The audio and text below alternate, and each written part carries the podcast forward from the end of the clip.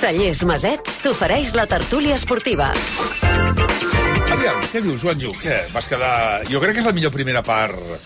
Eh, Després parlem de Joao Fèlix, si voleu, perquè jo crec que ha nascut el Luis Figo Matalasser. Eh, hi ha algunes coses que les podria estalviar, també t'ho dic. Eh, però dit això, aviam, del partit d'ahir, què? No, home, jo he anat a uns quants partits d'aquest any de Montjuïc i és el millor que hem vist. Eh, globalment, eh, parlo com a partit de futbol, primer, eh, perquè també l'Atlético eh, és un senyor equip, cosa que també posa en valor el que va fer ahir el Barça, que és un, és un gran partit de futbol, un partit complet, un partit que estic molt d'acord amb el, amb el Màrius, que té molt a veure amb, amb la retrobada, o o diguem, la primera trobada, per ser sincers, i eh, de, de tres jugadors que, que, que, que són tres migcampistes que tard o d'hora havien de trobar-se en algun moment eh, i ahir es troben, es troben eh, i, i és com una com una bisagra que ho fa tot molt més senzill, perquè si tu tens tres jugadors que, que, que, que, que tenen la pilota, saben quan accelerar el joc, quan parar-lo, eh, com protegir la pilota, eh, això també dona més confiança a la defensa, que s'avança, i cr- crec que una d'altra de les claus va ser que Araujo va jugar pel centre i, i Koundé per la dreta. És molt més lògic, li dona molt més al Barça. Eh, Koundé ja va jugar de lateral l'any passat i va funcionar molt bé, va donar molta solidesa, i Araujo de central jo crec que és un dels millors d'Europa, per no dir del món. Eh, avança molt les línies, s'enganxa mig del camp, i el Barça va jugar molt junt, i és, que és una de les crec que dels, eh, de les solucions que, que, que, que, que, que feien mal a la vista quan veies un, un Barça tan, tan separat i tan desordenat, i ahir es va ordenar, va ser molt intens des del primer minut, cosa que també era un, una carència recurrent, que sempre semblava que entrés dormit als partits, i ara el que falta és, és donar continuïtat a, a això. Hi ha, hi ha alguns elements que, que et fan dubtar, com, com l'estat de forma de, de Lewandowski. Ahir Lewandowski va estar més, més implicat en el joc. Crec que això és eh, molt bo, però li falta finura en, eh, Claríssim. en els... I després, eh, jo crec que a part de Joao Fèlix hauríem de fer un apartat d'Iñaki Peña.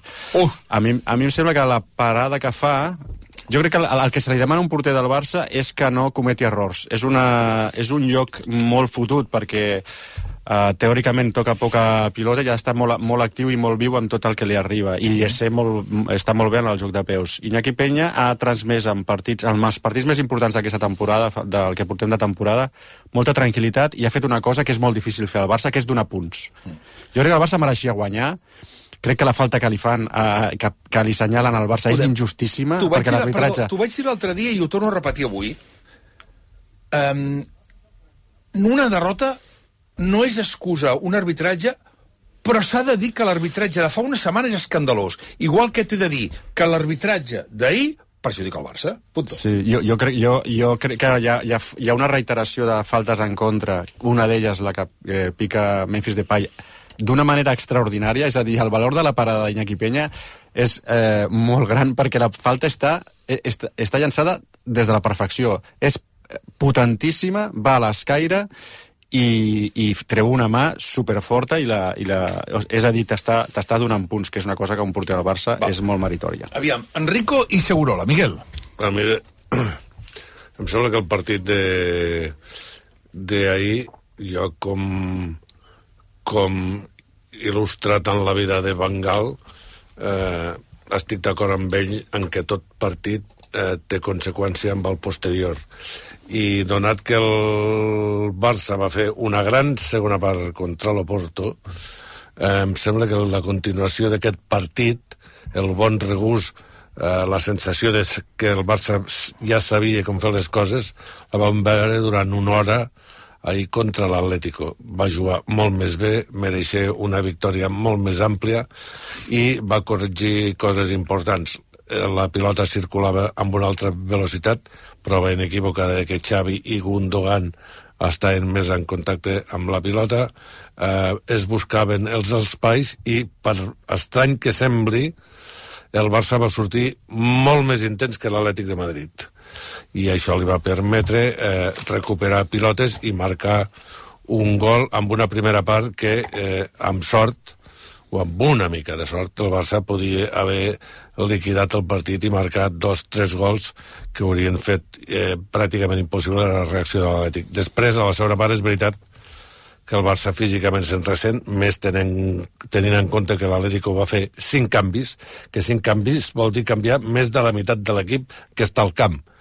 I aquesta gent li va portar una consistència física que el Barça ja no va tenir i que va apostar una vegada més per l'esquema més que per la potència física. Va canviar els extrems i amb els extrems va tirar en van i és cert que a, als minuts finals, i per això mm, torno a insistir en que s'assembla molt amb el partit amb l'Oporto, de la mateixa manera que Iñaki Peña a la primera mitja hora del Barça-Oporto va mantenir d'en peus el Barça amb unes aturades impressionants, encara que no va poder evitar que l'Oporto s'avancés al marcador, ahir va estar determinant a la mitja hora final del partit Correcte. i eh, globalment eh, globalment, jo voldria dir que ha estat el jugador més eh, determinant perquè el Barça hagi guanyat els dos partits més importants de la temporada.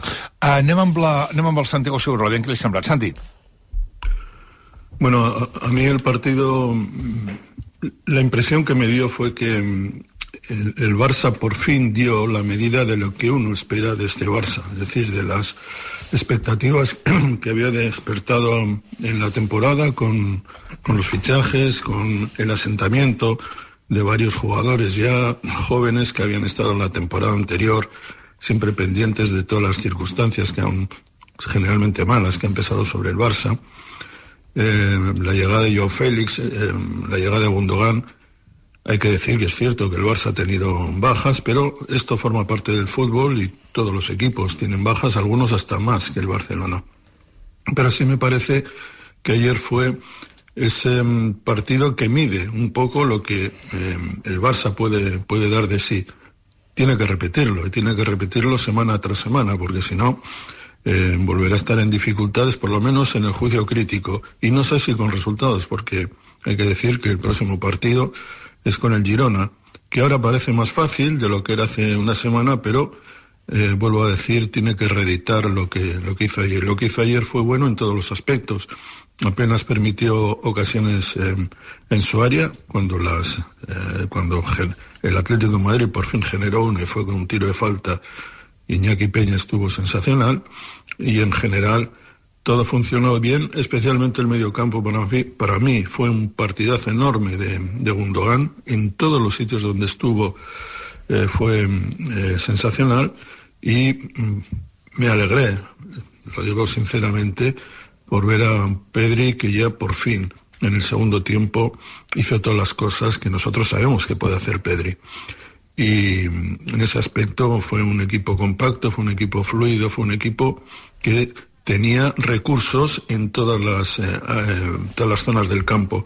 En cuanto a Joe Félix, no sé si vais a abrir ese melón, como se dice ahora, ahora o no, pues creo que tenía, jugó con un, eh, tenía una deuda eh, en este partido, una deuda con respecto a los partidos anteriores en el Barça, que en general no habían sido extraordinarios, quitando los, los dos o tres primeros encuentros, lo hizo frente a un equipo donde ha sufrido, donde no ha sido feliz y tenía ganas de demostrarle que es un jugador de verdad. Tendrá que demostrarlo con, con, más continuidad. En general me pareció el Barça que eh, permite pensar que puede hacer un gran equipo. Vuelvo a decir que eh, un grano no hace granero y que necesita reeditarlo y hacerlo todos los partidos. Creo que la liberación de la Copa Europa ha sido muy importante para el Barça. Me parece que salir de ese agujero de tres temporadas sin, sin alcanzar los octavos de final ha sido muy importante para que ayer el Barça jugara como yo creo que tiene que jugar. Un quart de 12 i dos minuts, un segon i de seguida parlem de Joao Fèlix, del bo i del dolent i del partit de quan es jugui a Madrid al,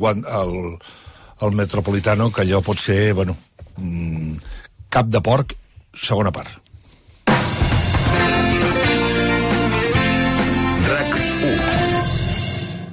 Catalunya està en emergència per sequera. La Generalitat destina més de 2.400 milions a augmentar la disponibilitat d'aigua i a garantir-ne l'eficiència. Ara, més de la meitat de l'aigua que fem servir cada dia no ve de la pluja. és regenerada o desalinitzada. Però no n'hi ha prou. Estalviar aigua és urgent i necessitem l'esforç de tothom. L'aigua no cau del cel. Estalvia aigua. És urgent. Generalitat de Catalunya. Sempre endavant.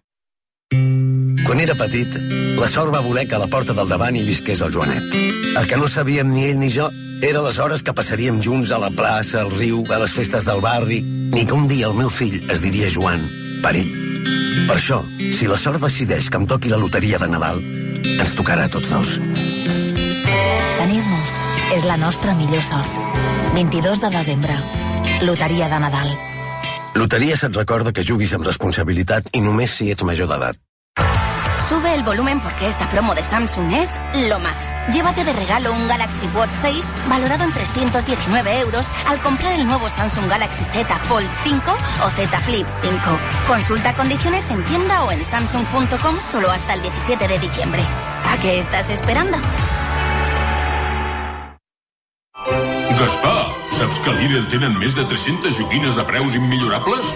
Joguines de fusta basades en Montessori des de 4,99. Uau! Enguany, les joguines són a Lidl i a Lidl.es.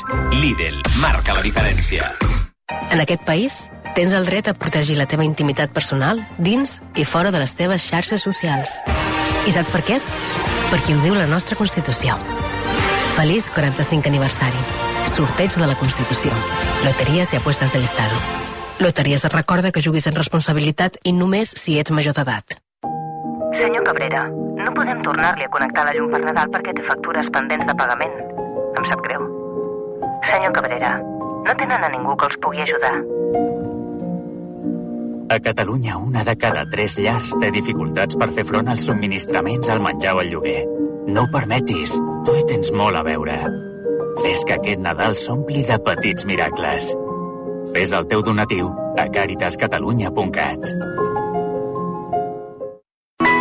Aquest Nadal celebra-la amb els nous galets de Neto Natural. Galets d'alta qualitat elaborats amb aigua del Pirineu i sèmola de blat dur. La millor opció per acompanyar el caldo de Nadal a Neto. Galets a Neto, disponibles als supermercats Gespac, Casey, La Sirena, Llobet, Nova Venda, Sorli Discau, Balbi, El Corte Inglés, El Campo i molts més. El món a RAC1 amb Jordi Basté. 11 i 20. Parlàvem del de la tertúlia de futbol amb el Miguel Rico, amb el Santi Segurola i amb el Joan Pallàs. Joan estàvem parlant de, de Joao Fèlix. Pa... Joao Fèlix, que en les últimes setmanes semblava el Joao Fèlix de l'Atlètic de Madrid, és a dir, un jugador mm. molt més individualista, molt, amb, diferents, amb, amb problemes per aixecar el cap, he de dir que el partit d'ahir, el marge que es converteix en una mena d'ídol blaugrana, malgrat eh, la celebració del gol, que aquí algú el justificava una mica. Jo, jo. El jo. justificava el Miguel Rico. Jo. Eh, jo crec que quan estàs jugant a futbol et deus al club i a l'escut i a l'escut que defenses. Mm. Eh, I el que va fer ahir eh, Joao Fèlix és marcar un gol importantíssim que ell sabia la transcendència que tenia aquest gol i després a la celebració la, fe, la fa efusiva, com han fet altres jugadors, i eh, quan torna al seu camp es gire a l'afició de l'Atlètic i la seqüència completa no comença amb un petó. Ell s'encuixís eh, amb els braços com dient jo què he de fer ara? Jugo pel Barça, he marcat pel Barça. I en aquell moment, els aficionats que havia de l'Atlètic li canten el Joao, quédate, Joao, quédate, referint-se al Barcelona, i fan, i ell fa un petó. Un petó que van agafar les càmeres de televisió, que si no l'hauria vist ningú, no vull treure, no dir que sigui més o menys important, però no ho hauríem vist, però mai consideraré el petó com una agressió digna de tenir un serial als diaris o a la televisió.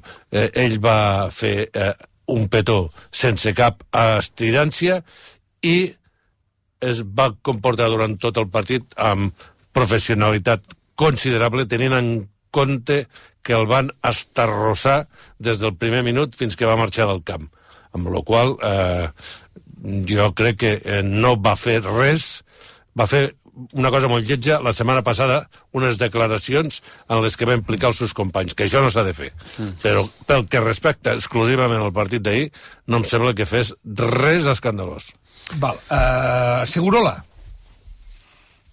Bueno, con respecto a la celebración, yo detesto que los jugadores eh, pidan perdón cuando marcan un gol, sea contra quien sea, aunque jueguen contra. Muchas veces mm, piden perdón por marcar un gol a un equipo en el que han jugado 10 partidos hace 10 años. Es una cosa que a mí me, me, molesta muchísimo. Me molesta, por ejemplo, que con el VAR no se puedan, los jugadores no sepan muchas veces si pueden celebrar, si pueden tener esa explosión de emoción que lleva eh, que, conlleva marcar un gol. Eso es así y me parece que en ese sentido el fútbol tiene que ser natural y lo que hizo Joao Félix fue celebrar un gol, un gol importantísimo para el Barça, por supuesto, y para él. Ha sido criticado, no ha sido feliz en el Atlético de Madrid e hizo lo que cualquier profesional en ese, en ese momento debería de hacer, que es celebrar y cuanto más efusivamente mejor, porque esa descarga de adrenalina, de, emoción es necesaria y es lo que eh, nos pasa a todos cuando vemos un partido de fútbol, pues imagínate un jugador. De hecho, el mismo Cerezo antes del partido le preguntaron qué le parecería si eh, yo feliz marcara y celebrar el gol. Dijo, pues que le parecería muy bien y además dijo, y me pareció una frase muy acertada, diciendo que privar de la, de la emoción en las celebraciones a cualquier jugador, por mucho que haya jugado eh, el tiempo que haya sido en un equipo, en el equipo anterior, me, parece que es eh, que, es, una estupidez. Pero estamos en este momento donde los jugadores piden perdón ya por todo, por no marcar goles, como hizo el otro día eh, José, después de marcar el, último gol del Madrid frente al Nápoles. Y me parece que estamos en un momento donde eh, estamos cayendo en tonterías que no, no, tienen justificación. En cuanto a Joe Félix, es un jugador de mucha clase y es un jugador que tenía una deuda pendiente. Bueno, ayer se cobró una deuda, por lo menos en este partido, que era muy importante para él y para el Barça. Y también creo, sinceramente, que Joe Félix es un jugador de momentos y tiene que demostrar, y lo tiene que demostrar en el Barça, tiene una temporada por delante, la tiene en España y la tiene en Europa, para pasar de ser un jugador de, de momentos, de partidos, uh -huh. a ser un jugador de toda la temporada. Es decir, que en cada partido marque diferencias. Y hasta ahora no lo ha hecho. Lo hizo ayer y eh, creo que eso es una gran noticia que tiene que, de alguna manera, confirmar en los siguientes partidos. Hasta ahora, ayer vimos lo que puede dar de sí, pero lo tiene que hacer todos los días. Joan Sopallàs. Sí, no, jo també estic en contra d'això que m'hagués encantat que fos una moda passatgera de no celebrar el, els gols contra els antics equips. Em sembla una cursilada, però també haig de dir que no ens hem d'estranyar que molesti a la part eh, de l'Atlético la celebració de Joao Félix. No, no podem ser tan innocents de pensar que aquesta visió que tenim nosaltres eh, en el futbol, que és un joc de passions, i que eh, aquest tipus de celebracions de Jo Félix haurà molestat moltíssim doncs, a, a, la, a, la, a, la, a la part més forofa de la banda contrària doncs, perquè no agrada, eh, sobretot perquè es va recrear no? amb la celebració que a mi em sembla molt bé que es recreï i que faci el que consideri ara que sàpiga que això té una contraprestació i que a partir d'ara a, a, a Joao Félix és enemic de per vida amb un asterisc que pertany a l'Atlético de Madrid. És a dir, no és un jugador que hagi marxat del club i que ara ja sigui eh, totalment del Barça en propietat, sinó que pertany encara a l'Atlético. Per tant,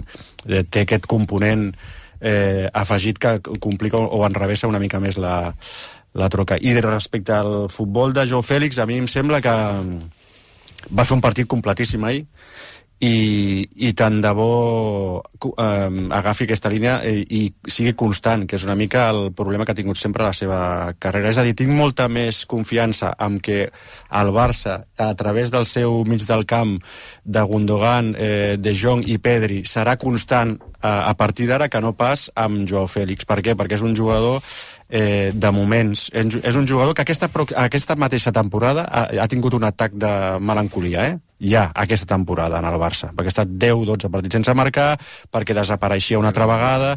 Jo crec que és un, és un futbolista que té molta més qualitat. Segurament, ara mateix, és el millor davanter que té el Barça. Sí. Però Rafinha el guanya amb, amb, amb esforç eh, sense ser tan bo, ni, ni molt menys, però si, si poguessin fer un mix entre els dos estaria molt bé, perquè Joao Fèlix té aquesta aquest posat que a vegades eh, bueno, es, es desentén o es, eh, desconcerta una mica perquè sembla que se'n vagi dels partits. Aviam, O, Tant de bo això sigui un punt de partida diferent i que digui, home, eh, mm, trobi un argument per, a, per agafar la ràbia que va jugar ahir, eh, que jo crec que jo li, li reconec el que va fer abans del partit. Eh? Ell assumeix la, el, el, um, la, el, el protagonisme del partit en el moment que entra en el, en, a contestar cada una de les declaracions que fan els jugadors de l'Atlético Mhm. ell està dient, ei, mireu-me a mi que aquest és el meu partit i el tio respon, eh? això no és fàcil Uh, Rico, vols acabar, sisplau? Sí, vull acabar dient que per mi hi ha una jugada a l'àrea de l'Atlético de Madrid entre, entre Hermoso i Joao Fèlix eh, que no es va considerar penal, que he sentit a àrbits internacionals o, o exàrbits com Mateo Laoz dient que és una cosa interpretativa, eh, que si el pites bé i si no també, i és més, insinuant que hi ha partits d'equips més petits que quan passa una cosa així piten penal, però els equips grans, quan passa una cosa així, no piten penal perquè esperen més d'una jugada per ser penal.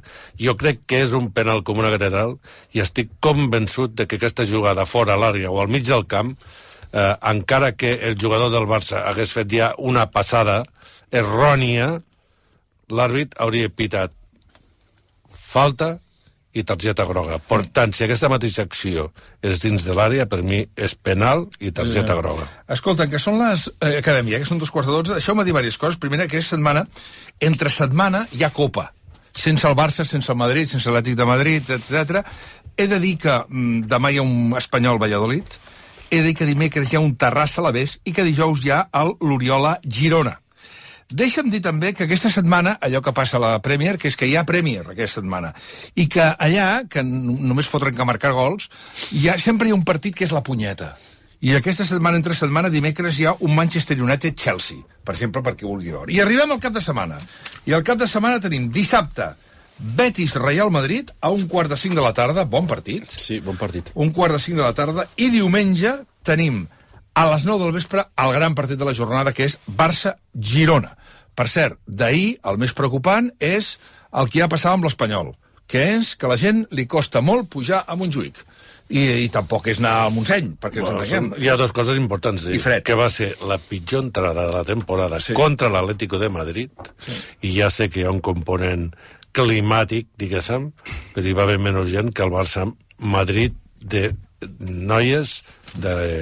El tema de... dia. A, a, Però, clar, però, per, per, per, per, per, els preus són més... motius, Els preus... Sí, no, no, per els motius, està claríssim. Ah, Clar, els, però- preu, els preus ara només han 17.000 abonats, tot el No, que vagi no. ahir al futbol havia de pagar com a mínim 100 pavos. No, no 99. pujar a Montjuïc a veure un Barça Atlètic eh, per fred, eh, quan feia 9-10 graus, perquè jo estava Ja, ja, ja. a Montjuïc, Ja, em però- sembla una, una mica patillero. Ja, eh? però... O sigui, costa, no, primer, llavors, primer, ja ves que el que el canviem Màrius, allò de la millor afició el del tema de món, les cadires, el primer tema de les etcètera. cadires no et toca, també hi ha moltes coses que fan que això... hi, ha molt, hi ha moltes coses. Hi per exemple, que no s'han abonat... Només hi ha 17.000 abonats. Ah, això és bèstia, eh? Bueno, però això, això, això és per reflexionar. Sí, sí, clar que és per Això reflexionar. respon a, no sé si dir-li desafecció o com dir-li, però si, hi ha un munt, milers i milers de socis que han Ja preferit et dic jo, ja et dic jo que el renunciar. diumenge que ve no n'hi haurà 17.000 després del partit d'ahir. Bueno, però Ja puja, ara. baixarà molta gent de Girona, també. Segur, també, segur. O pujarà. Són les 11 i 31 minuts. Uh, Joan Jopallàs,